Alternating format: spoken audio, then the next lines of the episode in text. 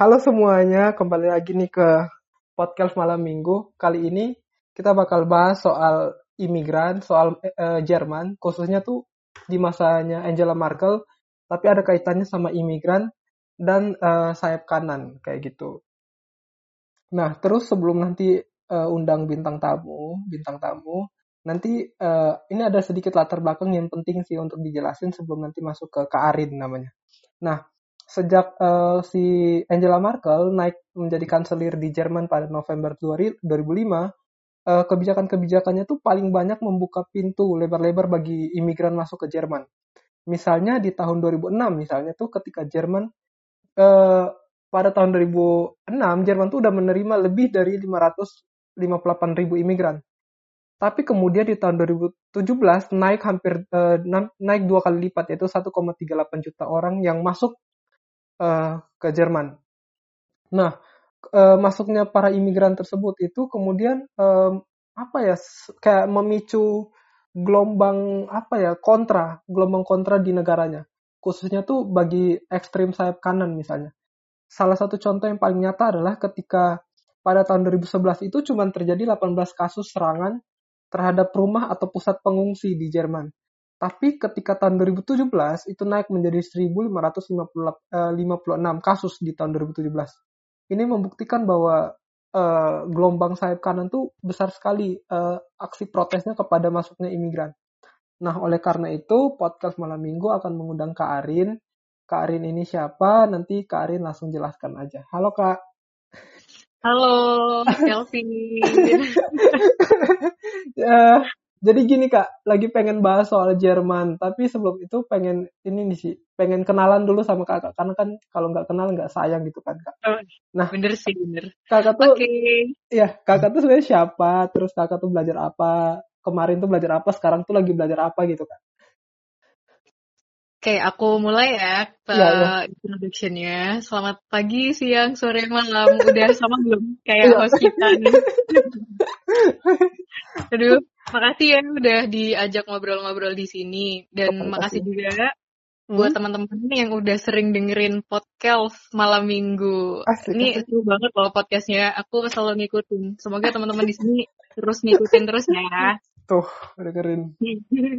Salam kenal semuanya. Aku Harini Lufika Dini. Teman-teman biasanya uh, bisa panggil aku Arin. Uh, sekitar dua tahun, hampir hampir dua tahun yang lalu itu aku baru aja lulus dari Hubungan Internasional Universitas Airlangga. Itu di Surabaya kalau buat teman-teman yang nggak tahu. Nah, tapi sekarang uh, aku lagi melanjutin kuliah lagi di MM FEB UGM. Seperti itu.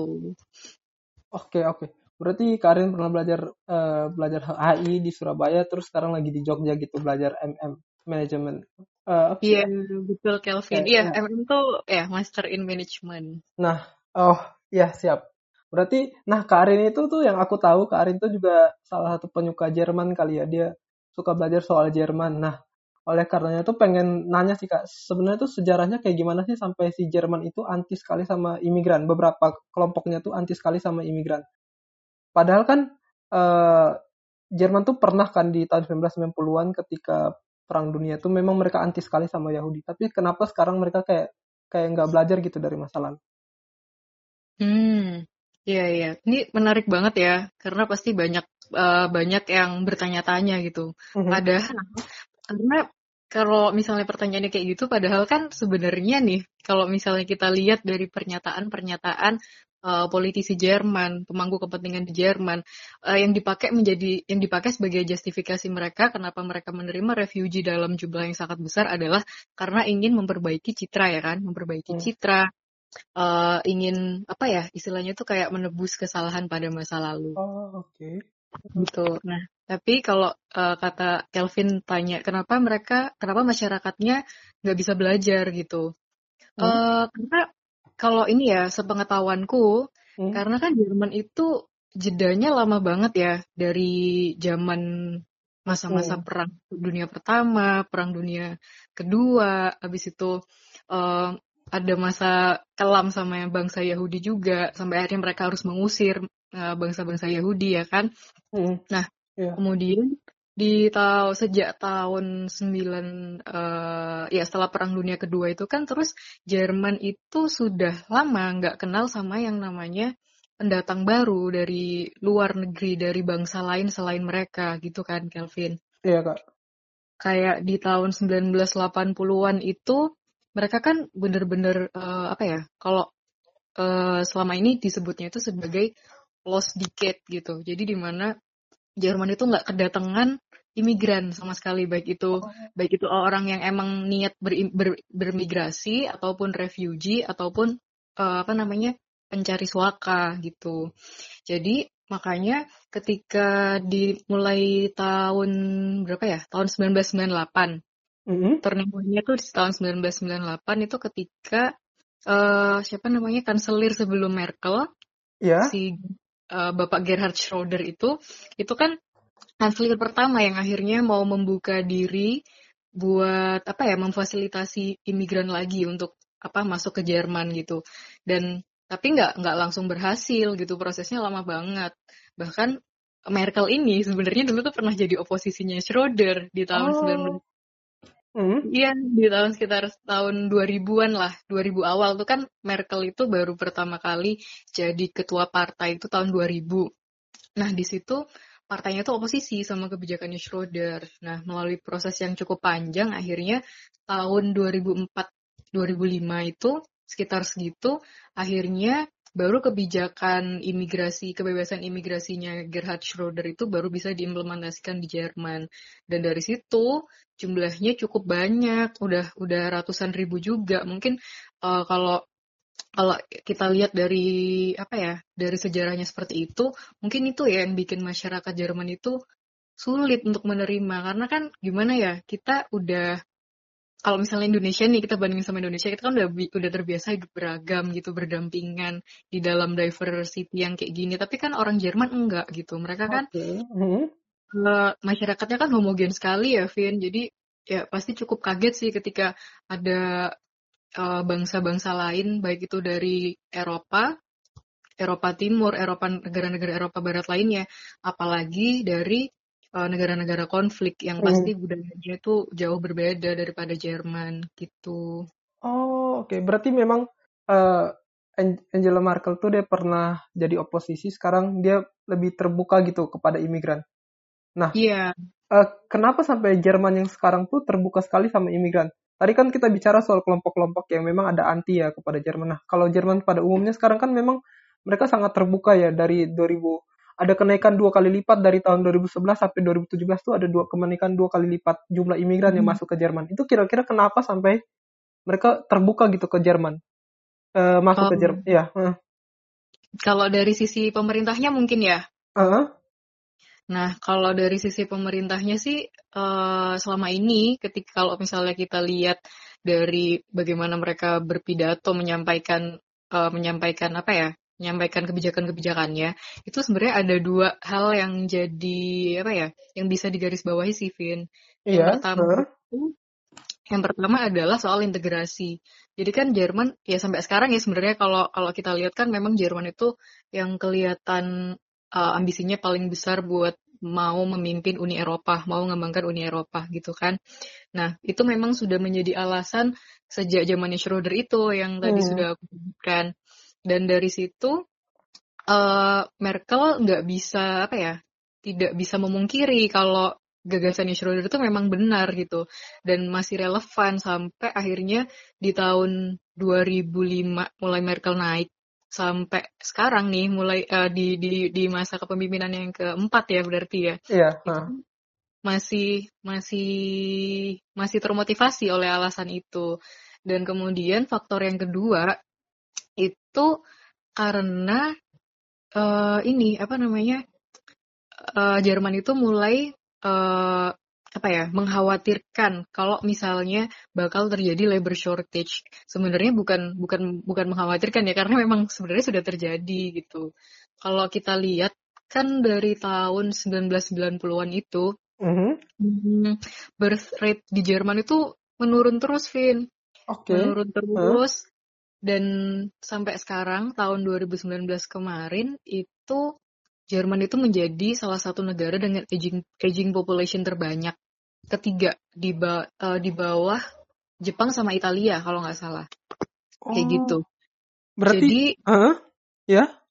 Jadi? Uh, jadi jadi mereka itu mulai kepikiran nih soalnya kan dampaknya bakal ke mana-mana ya kalau misalnya uh, mereka itu apa penduduk usia penduduk penduduk lansia itu terlalu tinggi, terlalu banyak jumlahnya, tapi tidak diimbangi dengan uh, tingkat kelahiran yang sepadan gitu. Itu kan uh, efeknya nanti bakal luas.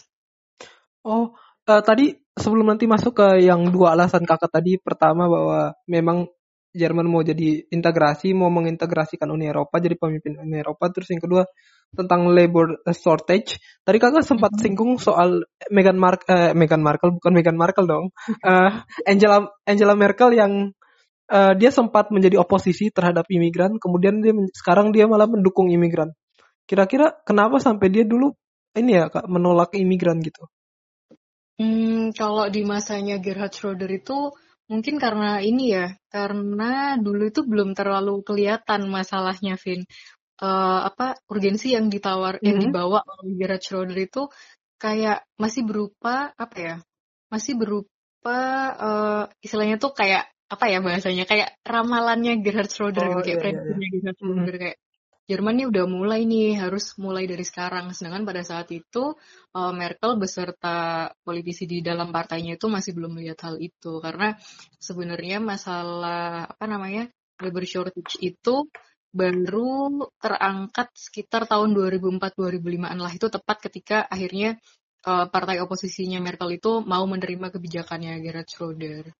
Oh iya iya. Nah tadi kakak udah berarti memang dia um, Merkel belum melihat urgensinya. Terus sekarang dia melihat bahwa urgensinya itu ada dua berarti integrasi sama labor shortage. Uh, iya. Berarti memang motifnya tuh bukan out of humanity ya kayak pengen menolong imigran yang terhempas dari negara asalnya kemudian menolong gitu dengan baik hati. Berarti memang mereka pengen mengintegrasikan. Kenapa sampai integrasi Uni Eropa itu harus menyertakan imigran di dalamnya, Kak? Uh, karena kan uh, ini ya Vin, kalau dari yang aku baca-baca itu hmm. karena uh, sejak tahun segitu tadi ya, maksudnya dari dari tahun mulai berdinamika itu dari 1998 2000-an awal itu kan apa ya? Uh, Jerman udah punya perekonomian yang cukup baik gitu. Sedangkan sedangkan masih banyak kan negara-negara di negara-negara hmm. tetangga hmm. Eropa itu yang masih apa ya masih punya tingkat pengangguran yang tinggi gitu. Nah, uh -uh. di situ Jerman di situ Jerman melihat celah kenapa nggak kenapa nggak uh, aku aku bantu gitu. Aku bantu, aku buka peluang sekaligus itu sebenarnya menguntungkan aku juga gitu. Hmm. Iya iya, berarti di satu sisi memang uh, apa banyak pengangguran di negara-negara lain, di sisi lain Jerman juga membutuhkan tenaga mereka karena mereka apa ya labor shortage gitu.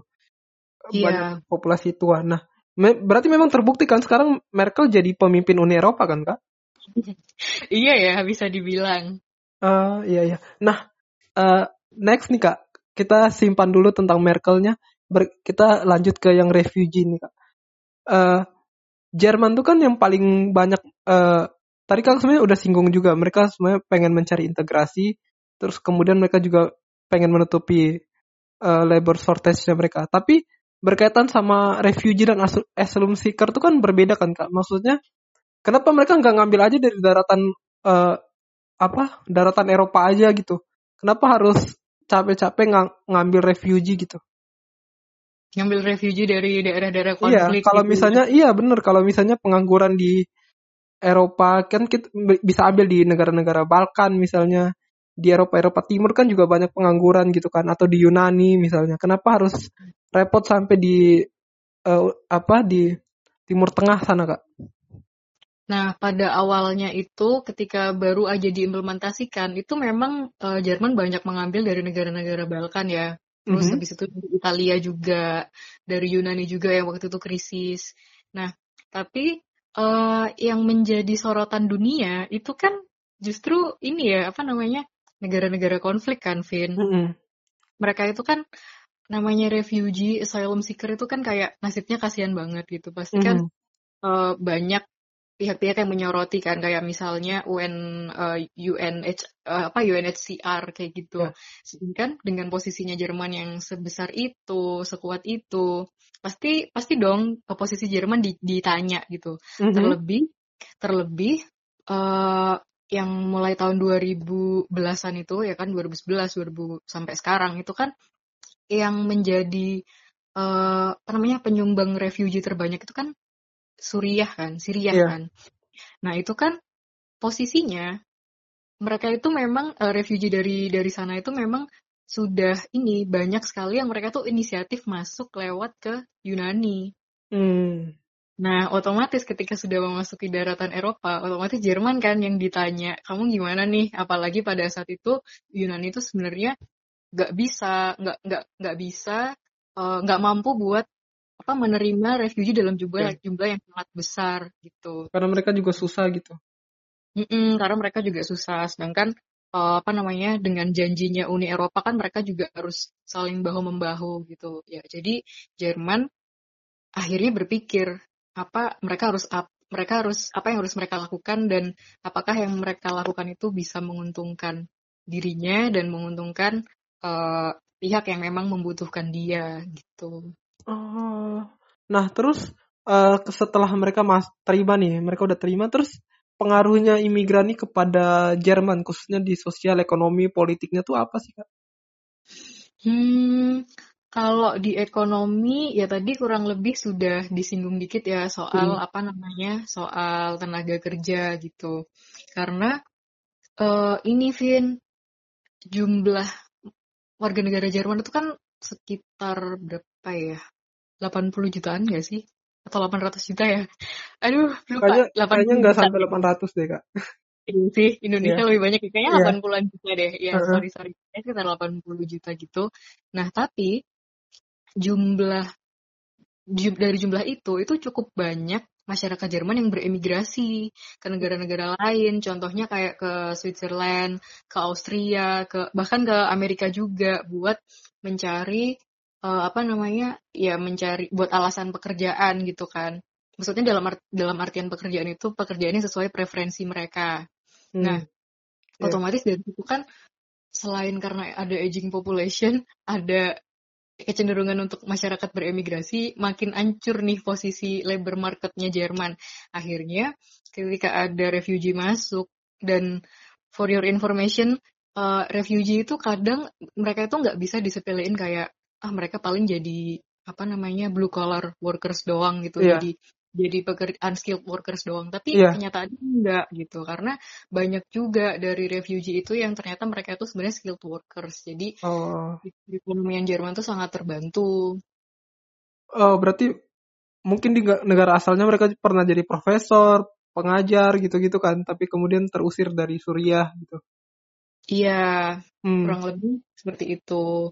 Nah, itu hmm, kemudian kalau dari segi sosialnya, Mhm. it- sosialnya ini ini sih kalau yang apa ya, yang menuai banyak pro dan kontra karena kan Iya, iya, iya. kedatangan kedatangan refugee itu kan pasti membuat ini ya intinya pada dasarnya itu kan eh, akhirnya menciptakan sebuah multikulturalisme di Jerman. Iya.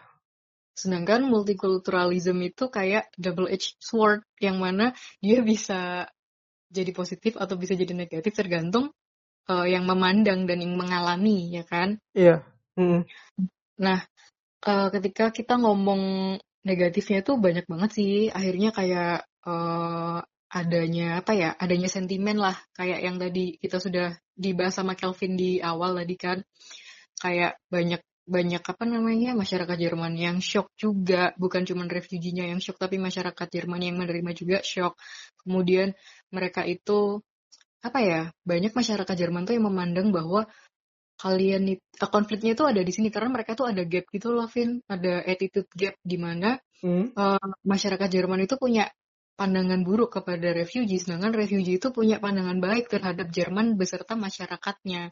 Jadi ada eh, seperti ekspektasi yang nggak bisa terpenuhi gitu baik di di pihak refugee maupun di pihak uh, masyarakat Jermannya. Masyarakat Jerman itu ber, berekspektasi uh, gue udah ngasih lo tempat gitu. Mm. Uh, so, apa jadi tolonglah yang sopan sama sama sama aku sama negaraku gitu.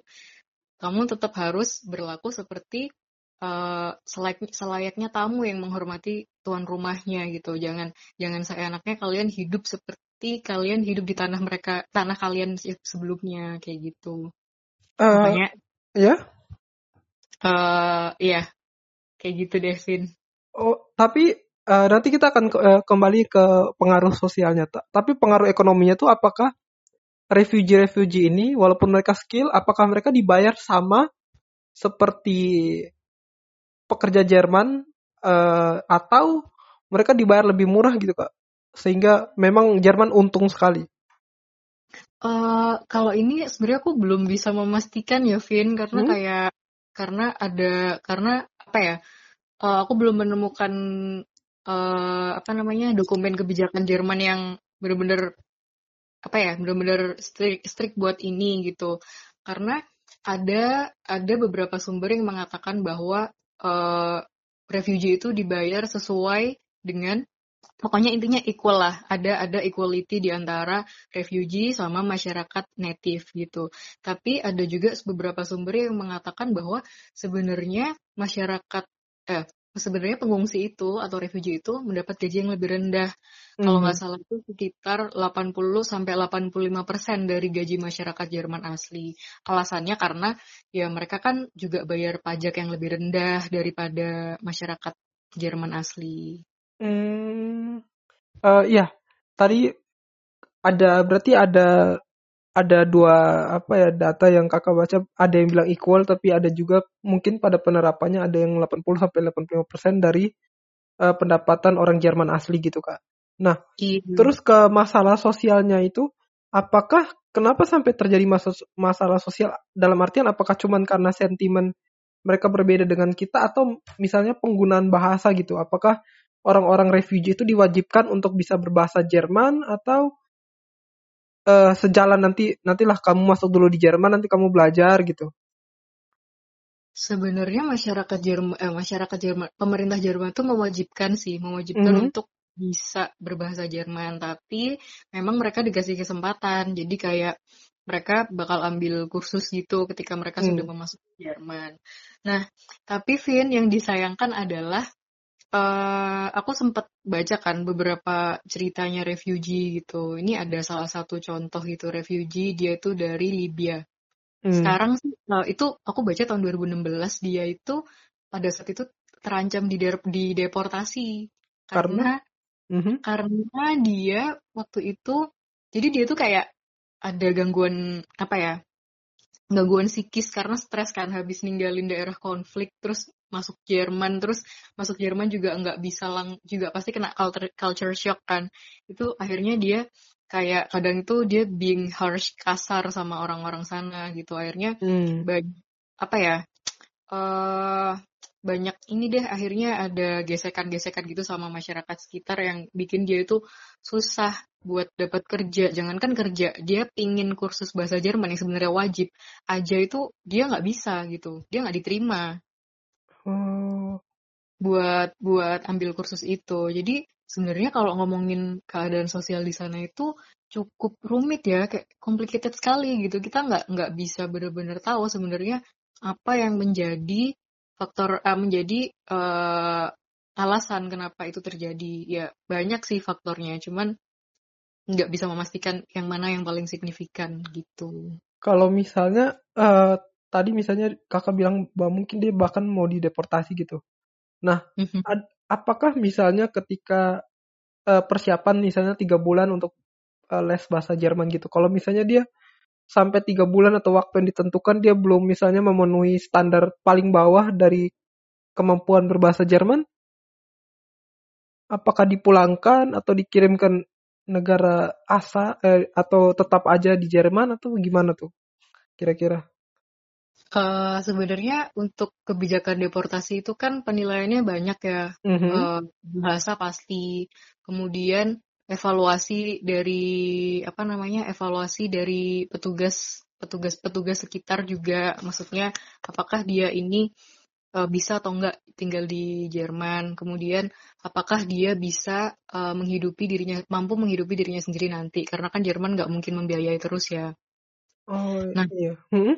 sebenarnya untuk alas untuk urusan-urusan kayak deportasi gitu-gitu tuh juga ini sih Vin ada kaitannya sama kebijakan Uni Eropa. Nggak oh. nggak nggak nggak apa namanya uh, nggak nggak nggak dari Jerman nggak benar-benar dari Jerman sendiri tergantung sih. Jadi jadi tergantung apakah itu ada uh, apakah uh, refugee itu benar-benar dari awal datang langsung apply ke Jerman atau dia apply di negara lain dulu abis itu ditarik ke Jerman.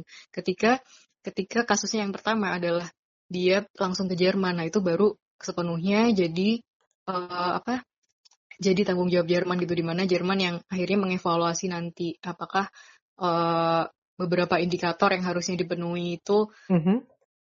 yang misalnya misalnya ada lima indikator terus ada tiga ada tiga yang ternyata nggak bisa dipenuhi itu mereka akan dideportasi atau tidak itu juga, berarti uh, itu baru akan menjadi kewenangan Jerman. Oh iya iya. Nah uh, aku pernah baca soal baca-baca riset terus dapat soal kebijakan green card itu ya kayak. Ya. Nah, hmm. terus ada semacam Jerman tuh sekarang menerima uh, khususnya pada orang-orang yang skillful gitu. Nanti di skillfulnya tuh ada ada ini lagi ada ada kriteria misalnya jadi dokter, insinyur gitu-gitu. Nah, apakah sekarang dengan adanya kebijakan itu mungkin kalau kakak uh, sempat baca gitu, apakah berarti Jerman sekarang cuma menerima orang-orang yang skillful atau orang-orang yang uh, yang kayak tadi kakak bilang blue collar gitu eh blue ya blue collar gitu juga bisa diterima gitu kak?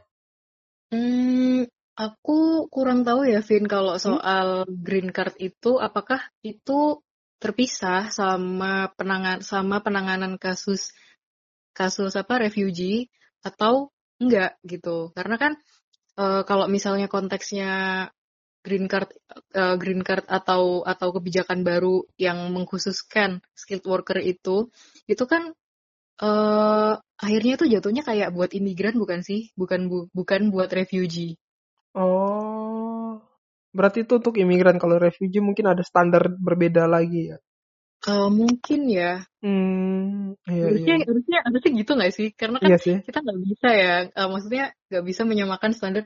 Uh, aku butuh pertolongan nih, tolong aku. Aku nggak bisa balik ke negara, hmm. nggak hmm. bisa balik ke negara asliku terus kayak, oh you don't have any skill, just go back kayak gitu kayak. Uh, jatuhnya bakal kelihatan banget nggak sih uh, ya, iya, iya. Jerman gitu. Hmm, iya iya. Benar sih. Berarti dia memang cuma pengen narik orang-orang yang skillful aja terus yang orang-orang yang butuh bantuan terus jadi ini kalah sama kalah saing sama orang-orang yang skillful.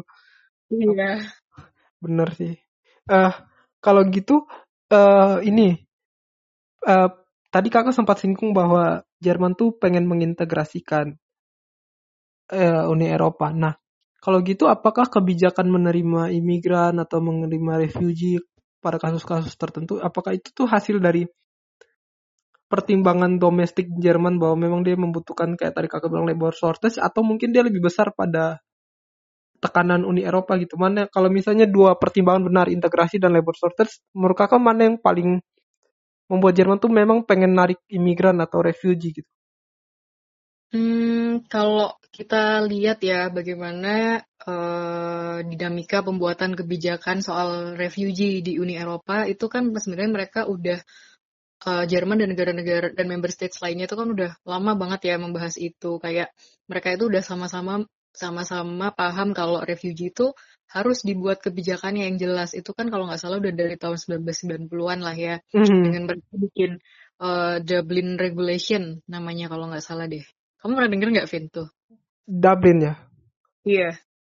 Enggak sih. Nah, itu kayak kalau aku nggak salah nih ya, if I'm not mistaken, mungkin nanti teman-teman bisa ngecek. Iya, jadi PR. Dublin, Regulation itu uh, dia kebijakan yang mengatur uh, refugee itu mereka datang dari mana, kemudian mereka itu akan dites melewati beberapa tes dan nanti Uni Eropa itu yang apa ya, yang mengatur mobilisasi mereka. Mereka tuh cocoknya ada masuk negara mana, negara mana yang pantas, yang bisa, yang mampu um, menaungi mereka kayak gitu. Hmm. Nah, tapi ketika kita bahas kasus itu kan itu kan kayak kebijakan secara umum gitu ya. Tapi hmm. kalau kasus yang ketika Jerman menerima besar-besaran yang sampai heboh banget tahun 2015 itu, yeah. hmm.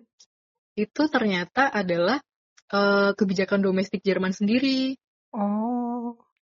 Jadi waktu itu memang negara eh, negara-negara Uni Eropa sekitar bulan April 2015 itu kan ada kecelakaan kapal yang mengangkut refugee di di laut di laut Italia. Jadi kayak pas yeah. udah mau masuk Italia mereka itu ada kecelakaan akhirnya uh, petinggi-petinggi Uni Eropa itu mereka langsung meeting, bikin bikin meeting buat membahas itu gimana nih. Nah kemudian di tahun 2015 itu kan UNHCR juga udah uh, mengumumkan kalau misalnya bakal ada lonjakan jumlah pengungsi dan pencari suaka dari beberapa negara yang berkonflik di tahun di tahun itu. Nah akhirnya negara-negara Uni Eropa itu mereka mulai berpikir gimana nih caranya antisipasinya biar bi, uh, karena mereka eh, nggak uh, pingin nanti karena adanya lonjakan tinggi kita nggak siap terus akhirnya malah banyak refugee yang ilegal kayak gitu. Hmm. Nah jadi mereka uh, kompak kayak udah kita harus uh, siap-siap lagi nih buat uh, nerima refugee gitu. Tapi pada saat itu Merkel itu bikin ini, bikin kebijakan yang yang bikin yang mengagetkan gitu, yang shocking karena dia tiba-tiba nerima refugee um, menerapkan open door policy yang uh, jumlahnya dia itu dia menyatakan bahwa ya, negaraku mampu menerima dengan jumlah yang fantastis pada saat itu. Oh, berarti apakah Uni Eropa tuh kayak udah bikin kuota gitu untuk Jerman sekian, untuk Prancis sekian, atau kayak sukarela aja Jerman mau terima seberapa ya udah terima gitu? Sebenarnya mereka kan uh, sedang mencari kesepakatan ya. Uh-huh. Uh, mereka salah satunya juga ukurannya pasti mereka punya ukuran gitu kan kayak dilihat dari dari dari segi kondisi negaranya gimana, dari segi kondisi ekonomi terutama ya karena kan di awal pasti butuh butuh membiayai refugee, kemudian uh, dari dari lokasi, kemudian dari uh, apa namanya kemampuan kira-kira berapa nih yang bisa ditampung di dalam negara itu karena kan ada yang negara yang cukup padat dan ada yang tidak kayak gitu. Oh. Tapi kalau nggak salah sih pada saat itu tuh belum gitu loh Vin, belum belum ada kesepakatan kayak e, Jerman kamu 200 ya, Italia kamu 100 ya belum ada seperti itu sih kalau nggak salah ya. Oh iya iya iya berarti memang di Uni Eropa sendiri juga terpecah sampai belum ada kesepakatan pasti yang bisa uh, menjawab gitu pertanyaan apakah memang uh, imigran ini mau dikemanakan gitu, refugee ini mau dikemanakan ke negara mana gitu dan jumlahnya berapa kan? Berarti belum iya. ada. Nah, soalnya pengalaman pernah waktu kuliah dulu tuh pernah uh, ini studi ke Rudenim di Semarang gitu loh. Itu kayak rumah persinggahan para refugee untuk nanti sampai mereka uh, diberikan apa ya kayak nanti ada pengumuman dari UNHCR kalau misalnya nama ini nanti dia dikirim ke negara ini gitu. Nah itu hmm. kayak rumah persinggahan gitu dan bahkan ada yang udah bertahun-tahun. Biasanya tuh kayak dua tahun setahun sampai dua tahun gitu penuh menantinya. Masa penantian sampai mereka dapat ke negara tujuan. Tapi kadang-kadang juga mereka udah lewat lewat lewat dari itu tapi nanti di ini lagi dicari lagi gitu. Sampai bertahun-tahun di Rudenim itu belum dapat dapat negara tujuan. Hmm. sama yang kayak tadi kakak bilang kan misalnya di Yunani mereka sampai di Yunani terus ditahan dulu sampai ada negara yang terima baru nanti dikirim ke negara itu. Ya itu hmm. berarti memang bahkan nasibnya tuh ini tak tentu gitu kayak. Iya iya iya iya Kar sih karena hmm? menerima refugee nggak gampang juga ya Vin. Iya.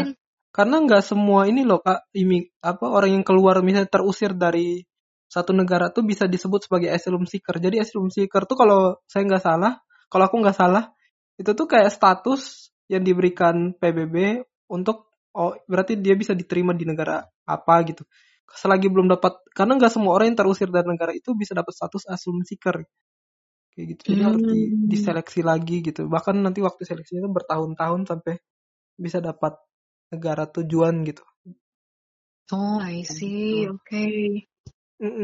nah kembali lagi ini ke Angela Merkel nih kak uh, tadi kita udah sempat singgung soal kebijakannya dia berkaitan sama imigran gitu. membuka pintu bagi imigran. Nah, Forbes tahun 2009 tuh pilih dia sebagai power woman, jadi dia uh, perempuan paling berkuasa. Terus di tahun 2008 itu dia menjadi uh, kalau di tahun 2009 tuh power power woman, kalau di 2008 tuh powerful people, jadi lebih gede gitu. Nah, menurut kakak uh, apa sih sebenarnya menjadi kekuatan Merkel sehingga dia dibandingkan dengan pemimpin-pemimpin dunia atau pemimpin-pemimpin Jerman sebelumnya dia, Kak? Hmm, BTW ini 2019 dan 2018 kan ya? Iya, 2018 dan 2019. Bener. Tadi aku hmm. bilangnya 2009 ya? Iya. Enggak, 2019 dan 2018. Oke, okay, oke. Okay. Iya, iya. What makes Merkel become powerful ya? Powerful yeah. women sama powerful people gitu. Iya. Dia jadi perempuan dan manusia paling berpengaruh gitu. Eh, uh, kalau misalnya kita lihat kondisinya kondisi ini deh, ini deh lihat-lihat dari masyarakat Jermannya dulu. Ketika uh, Merkel tuh kan udah empat kali ya, Vin, empat kali ini ya. Iya, jadi, jadi ya meskipun meskipun aduh berdinamika banget gitu. Dia sempat juga uh, apa namanya diprotes besar-besaran. Tuh kamu tau gak sih yang ini yang dulu tuh sering ada posternya Merkel terus habis itu Merkel must go out terus Merkelnya pakai kerudung kayak gitu. Iya iya iya. Kayak, iya iya. Dia udah uh, apa ya uh, pada saat itu kan uh, kita pasti masyarakat luar tuh menganggapnya wah Merkel itu udah ini apa namanya masyarakat tuh udah kehilangan kehilangan apa ya respect ke pemimpinnya ke Merkel gitu. Tapi pada kenyataannya uh, masyarakat Jerman tuh juga nggak sebegitunya cepat lupa sama apa yang udah dilakukan Merkel sebelum-sebelumnya dan, dan improvement apa yang dibuat Merkel uh, di di di ini di apa namanya di periode terbarunya ini gitu. Karena ternyata masyarakat Jerman itu menganggap bahwa Merkel itu uh, kanselir yang memberikan sebuah stabilitas terutama stabilitas ekonomi yang yang bisa menjamin kesejahteraan masyarakat Jerman gitu.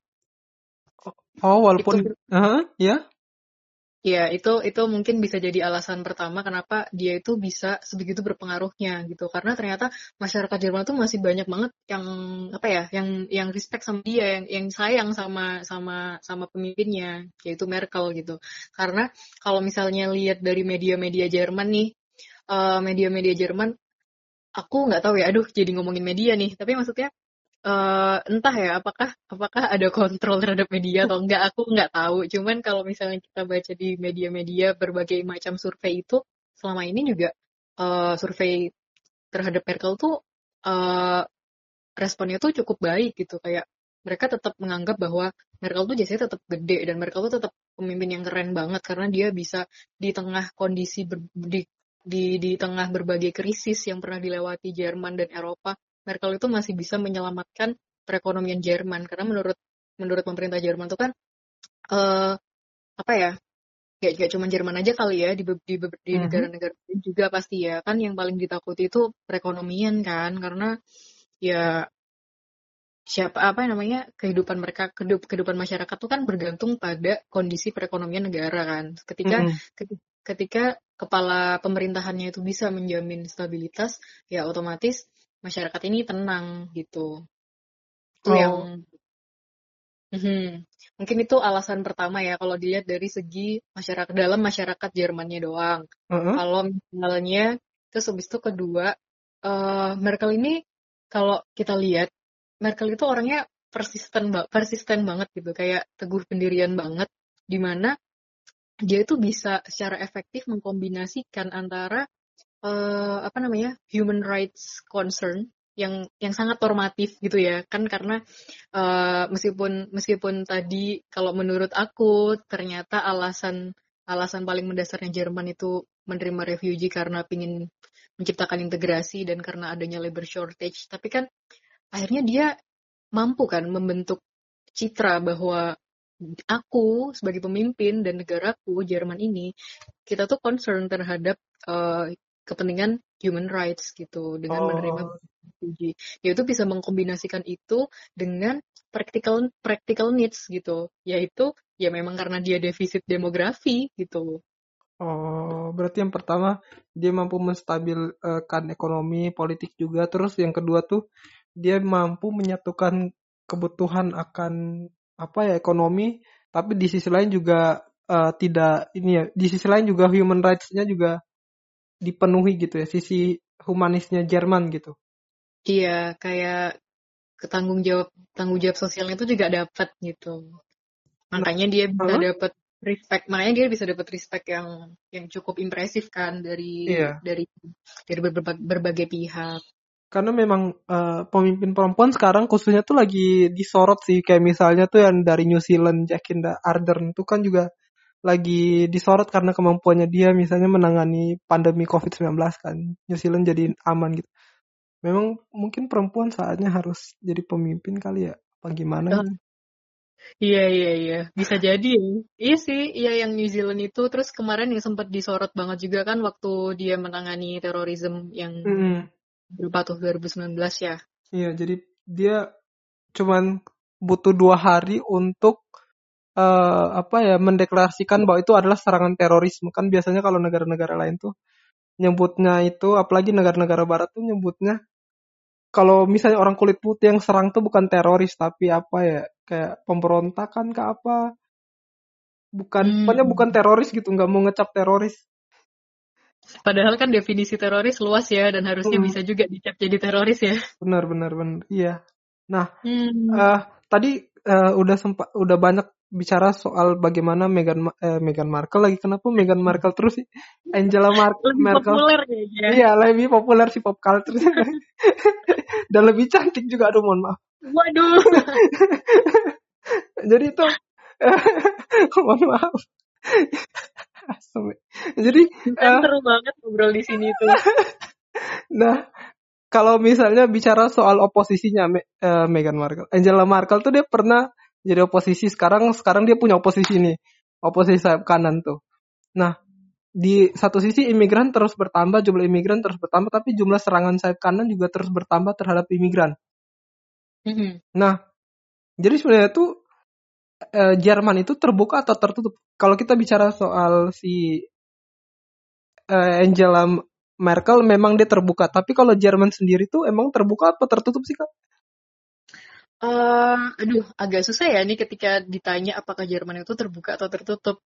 Buat menjawab itu kan kayak itu kan kayak abu-abu gitu ya. Karena yeah. kalau kita lihat, kalau kita lihat, Vin, emang Jerman itu sebenarnya nggak punya ini, nggak punya kebijakan tentang masa jabatannya kanselir.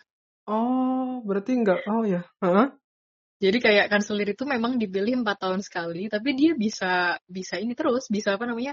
Bisa maju terus. Enggak, mau mau mau lima periode, enam periode juga nggak apa-apa kalau di Jerman. Oh.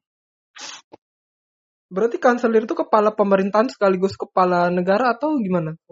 Kepala pemerintahan sih. Kalau kepala oh. negara itu tetap presiden. Dan uniknya presidennya itu punya itu punya batasan batasan masa apa namanya masa pemerintahan cuma dua periode kalau nggak salah. Oh berarti presiden punya tapi uh, kanselir nggak punya padahal kanselir yang hmm. lebih ini ya lebih strategis gitu posisinya bener padahal kan presiden itu cuman kepala negara cuman dia berhak declare war gitu kan ya tugasnya hmm. lebih banyak ditentuin iya iya tapi kalau misalnya menarik juga uh, ngelihat soal partainya si Angela Merkel tuh kan kalau nggak salah Kristen apa ya konser uh, Kristen demokratis oh. ya dem ya demokratis uh, awalnya pikir karena ada nama Kristennya tuh mungkin lebih konservatif gitu, tapi ternyata lebih terbuka, dia terbuka juga pada imigran. Iya, jadi kalau ngomongin partainya, partai di Jerman, terutama partainya Merkel, itu kan uh, dia itu aku lupa deh, dia itu center right atau center left gitu ya, Vin ya. Mm. Tapi mereka, tapi mereka itu uh, partai-partai di Jerman itu partai-partai lama ya khususnya kayak misalnya CDU partainya Merkel, terus CSU partai aliansinya Merkel sama SPD itu itu partai tertuanya Jerman. Mereka tuh suka banget mengklaim dirinya tuh sebagai uh, posisinya tuh di tengah gitu, the, hmm. the modern party gitu, yang mana aku bisa kok apa mau mau kok menerima gitu selama itu buat itu selama itu buat kepentingan negaraku dan tidak uh, apa ya menjatuhkan atau merusak identitas negaraku kayak gitu. Karena uh, udah ngomong soal partai juga nih, uh, berarti apakah polaris ter, terjadi polarisasi politik khususnya ke partai yang di Jerman seperti kalau misalnya di Amerika Serikat itu kan terpolarisasi sekali kan Demokrat, Republikan, Demokrat, Republikan. Uh, kalau kamu lebih konservatif ya udah ke Republikan, kalau kamu lebih progresif ya udah ke Demokrat gitu. Nah kalau di Jerman apakah terpolarisasi atau? Uh, gimana ya? Kalau yang aku lihat ya Jerman itu kan multi partai ya banyak kan partainya di sana. Yeah. Uh, mereka itu nggak sebenarnya pada awalnya nih Vin pada awalnya itu mereka tuh nggak nggak ada pada awal ini maksudnya dari sebelum tahun 2013 ya dari tahun mm -hmm. 2013 tuh mereka tidak terlalu terlihat terlihat polarisasinya karena partai-partai besar yang mendominasi kayak partainya Merkel dan partainya dan partai dan partai SPD itu mm -hmm. Itu dua kan yang, yang mendominasi koalisi Merkel sama partai CSU dan partai SPD itu mereka itu yang tadi aku cerita yang mereka itu claiming kalau aku nih di tengah gitu.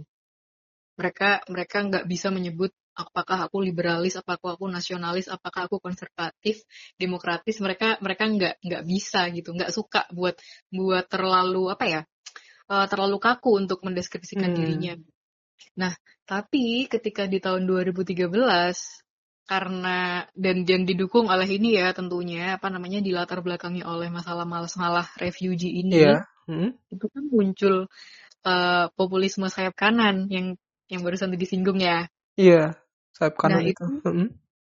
adanya pola apa pop, uh, populisme sayap kanan itu akhirnya membuat warna baru nih di di di apa namanya di dunia perpolitikan Jerman karena polarisasinya itu jadi terlihat. Ada partai yang bisa dia itu benar-benar baru baru muncul tahun 2013 dan sebenarnya buat ukuran uni buat ukuran di Eropa ya munculnya uh, populisme sayap kanan di Jerman tuh cukup telat.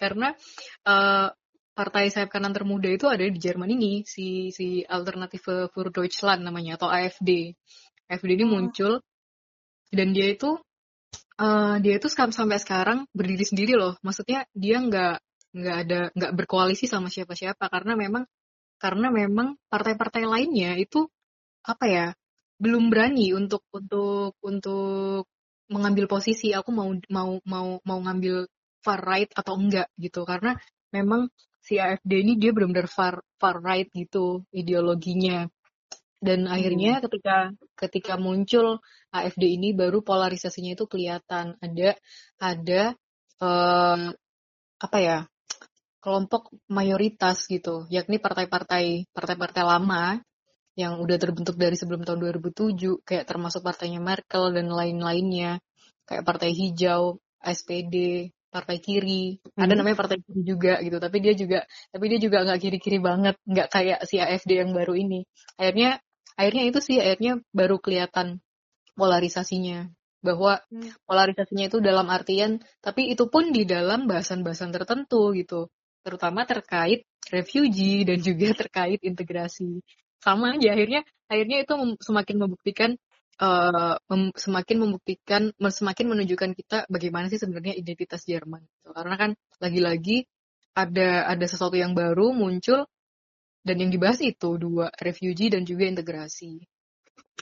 Oh, berarti memang uh, partai baru tapi uh, berarti apakah isu popul populis itu kurang laku ya sampai ada partai-partai yang tidak berani untuk bergabung ke partai sayap kanan gitu. Berarti memang populis kurang laku mungkin ya sampai mereka nggak berani. Mungkin ya. Oh. Mungkin, mungkin, mungkin kurang laku karena karena kalau misalnya eh tapi nggak bisa dibilang belum laku mungkin ya Vin ya. Mm-hmm. karena karena sebenarnya AFD ini dia itu berkembangnya cepet banget. 2013 dia muncul langsung ikut pemilu. Jadi dia tuh dibentuk enam bulan loh sebelum oh, sebelum federal, oh. Iya sebelum federal federal election tuh mereka enam bulan sebelumnya itu baru terbentuk bayangin cepet banget.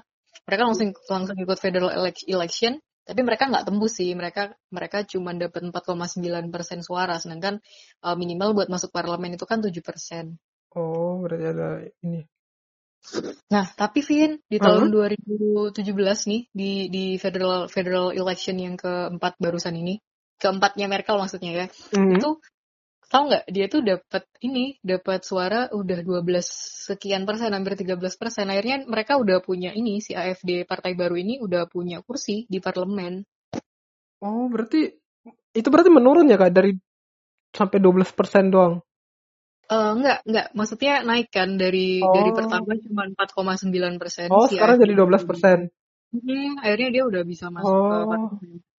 oh iya iya iya iya berarti dari berarti naiknya cu- cukup pesat sih nah Iya. kalau kayak gitu apakah kakak bisa melihat fenomena Brexit Brexit eh, karena kan Brexit itu terjadi salah satunya tuh karena anti imigran dan xenofobia gitu apakah Kak Arin bisa melihat Jerman juga melakukan yang sama gitu Jersit Jersit. wow, istilah baru ya. Jerman Iya, exit ya. dari Uni Eropa Itu sebenarnya eh apa ya? Entah ya, aku aku aku baru kepikiran waktu kamu nanya sih sebenarnya. Karena kan selama ini kayak Jerman itu apa eh istilahnya kayak Uni Eropa gitu kayak nggak mungkin lah dia meninggalkan Uni Eropa gitu kan. Mm-mm. Tapi tapi eh, kalau nggak salah nih pernah ada politisi Jerman, wait siapa ya? Eh salah satu salah satu inilah salah satu pemerintah ya, salah satu orang di pemerintahan. Dia tuh pernah menyatakan bahwa oh bukan bukan sorry sorry ada ada eh, profesor dari dari salah satu universitas ternama di Jerman gitu. Eh, beliau itu menyatakan bahwa eh jejak Jer- ah, Jer- kemungkinan Jerman mengikuti jejaknya Britania Raya itu bukan bukan mustahil gitu.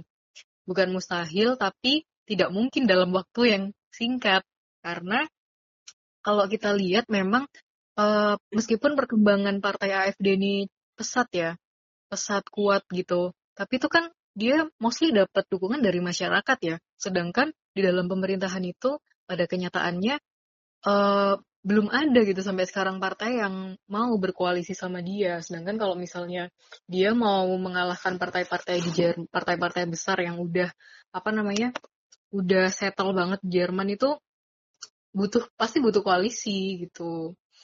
Iya, iya. Iya, memang butuh eh, biar ini kan. Tapi kayak dunia tuh mungkin memang sekarang lebih bergerak ke populis sih, Kak. Kayak misalnya Amerika populis sekali sekarang, apalagi kenaikan eh, Trump eh, Trump naik terus di Indonesia juga menurut saya sih populis sekali. Populisnya tuh udah dua, populis nasionalis dan populis religius gitu. Udah Hmm. lengkap lah. Eh di Jerman sekarang populisnya baru naik, baru muncul telat gitu. Bre- Inggris juga semenjak si Boris apa sih namanya tuh? Si Inggris siapa ya? Boris ya? Si Boris, Boris. ya kan? Mau bilang Boris Yeltsin tapi Iya, Boris Boris Johnson Boris Johnson. Iya iya itu kan juga populis sekali kan? Sehingga Inggris jadi xenofobia gitu Jerman mungkin eh, dalam waktu dekat enggak sih. Tadi yang dari kak eh, kak Arin bilang karena memang susah juga karena buat galang dukungan apalagi mereka tidak punya tandem eh, partai gitu yang mau sama mereka. Betul, karena selama yang yang mendominasi, yang menjadi mayoritas di parlemen, di pemerintahan itu adalah partai-partai dengan orang-orang yang juga apa namanya masih mendukung apa yang Jerman punya sekarang itu kan ya bagaimana mereka pasti jalannya sulit nggak sih Vin buat buat mencapai ke sana. Iya benar sih. Tapi kalau seperti Merkel pernah berpindah dari opos oposan sekarang menjadi pendukung imigran, bisa jadi kalau misalnya apa udah nggak terjadi labor shortage misalnya bisa jadi eh ini ya udah nggak relevan lagi isu imigran ini dan bisa di stop sih. Kemungkinan iya ya, kemungkinan besar iya. Ah, Ketika ketika kepentingannya sudah sudah terpenuhi ya. Mm-mm. Nah Mhm. kalau gitu eh, bagaimana sih kalau Kak Arin melihat masa depan si Jerman ini apakah mereka masih membutuhkan jutaan imigran lagi atau bagaimana gitu kalau ini pertanyaan terakhir nih Kak Hmm, kira-kira butuh butuh atau enggak gitu ya di masa masa depannya depan. Jerman tuh gimana sih Em, em, em, sebenarnya kalau kita lihat sekarang ya, kayaknya Jerman itu masih akan tergiur deh dengan imigran dalam waktu yang ya ya kita tidak bisa menentukan waktu kapan tapi mungkin dalam waktu yang lama di depan di, maksudnya di masa mendatang ya. Karena sekarang itu imigran dan pengungsi itu mereka jadi kompetitif advantage-nya Jerman gitu. Tidak bisa dipungkiri bahwa kayak tadi mereka kan punya memberikan keuntungan ekonomi yang banyak ya. Karena kan mereka udah tinggal di Jerman menambah jumlah populasi yang populasi di usia produktif di Jerman yang mana mereka uh, bisa ini nih mereka tuh bisa menyokong industri-industri Jerman yang mana itu kemarin sempat opti sempat pesimis sorry sempat pesimis karena karena mereka kekurangan tenaga kerja gitu kan mm. sedangkan ini mereka udah mulai mulai mulai apa ya mau berkembang lagi bahkan perusahaan-perusahaan gede nih kayak Porsche mereka oh, iya. itu juga mereka tuh juga ini loh mereka salah satu uh, eh, CEO-nya itu salah satu orang salah satu aktor individu yang apa ya uh, ya sebut aja mendatangi gitu ya uh, mendatangi pemerintah dan dan dan dan membuka suara bahwa ya saya mendukung kebijakan ini karena saya juga butuh dan saya sudah merasakan saya sudah membuktikan bagaimana uh, implikasi positif gitu dari dari da, dari kedatangannya imigran maupun pengungsi itu. Nah, oh, yeah. selain itu, selain itu nih um, ada kesaksian juga dari Menteri Keuangan Jerman di masanya Merkel ya tahun 2000, 2009 sampai 2017 itu uh, Menteri Keuangan Jerman itu juga bilang bahwa sebenarnya keuntungan yang didapatkan Jerman ketika dia menerima refugee itu tetap jauh lebih besar daripada biaya yang harus dikeluarkan oleh Jerman buat taking care of the refugees and immigrants gitu. Karena uh, keuntungannya itu benar-benar jangka panjang gitu, Vin. Mm -hmm. uh, mereka kan dengan mereka masuk ke Jerman dan mereka di usia produktif otomatis mereka juga bisa mendongkrak uh, konsumsi juga kan tingkat konsumsi di di di Jerman mereka pasti butuh rumah mereka pasti butuh kendaraan mereka sekolah buat anak-anaknya. Di situ kayaknya uh, duitnya Jerman tuh terus berputar gitu. Dan mereka juga bayar pajak. Akhirnya mereka akhirnya mereka bisa apa namanya memenuhi kebutuhan dana pensiun. Karena kan kemarin sebelum eh karena kan ini kalau misalnya misalnya nih Jerman itu masih kondisinya uh, masih apa ya masih defisit demografi gitu ya. -hmm. mengalami demografik defisit misal sampai beberapa tahun mendatang tuh kan bahaya banget ya karena kan Jerman itu kan menjamin pensiun buat uh, buat apa penduduk usia lanjut gitu kalau misalnya yang kerja sedikit kemudian industri itu tidak apa ya tidak intensif um, memberikan keuntungan-keuntungan memberikan profit store profit ke pemerintah kemudian akhirnya Jerman dapat dapat apa namanya dapat sumber dana dari mana buat memenuhi memenuhi uh, janji-janjinya itu kepada iya. masyarakat. Iya. Hmm. Iya karena beban pensiun juga besar kalau karena apa usia orang yang tua lebih banyak daripada produk, masih produktif sehingga memang membutuhkan lebih banyak produksi ya kak produksi yang besar hmm. khususnya dari uh, imigran gitu. Nah pertanyaan ini kayaknya juga sekalian menutup sih kak. Terima kasih banyak uh, Karin udah bicara dari sejarahnya Jerman terbuka sampai ter, apakah dia ter, kenapa sampai dia jadi terbuka sampai yang terakhir masa depannya Jerman tuh kak. Makasih banyak Karin, uh, sukses, stay safe, terus tetap semangat untuk yeah. studinya. Sama-sama Kelvin, makasih juga ya aku diajak ngobrolin HI lagi kayak refresh. Terima kasih banyak.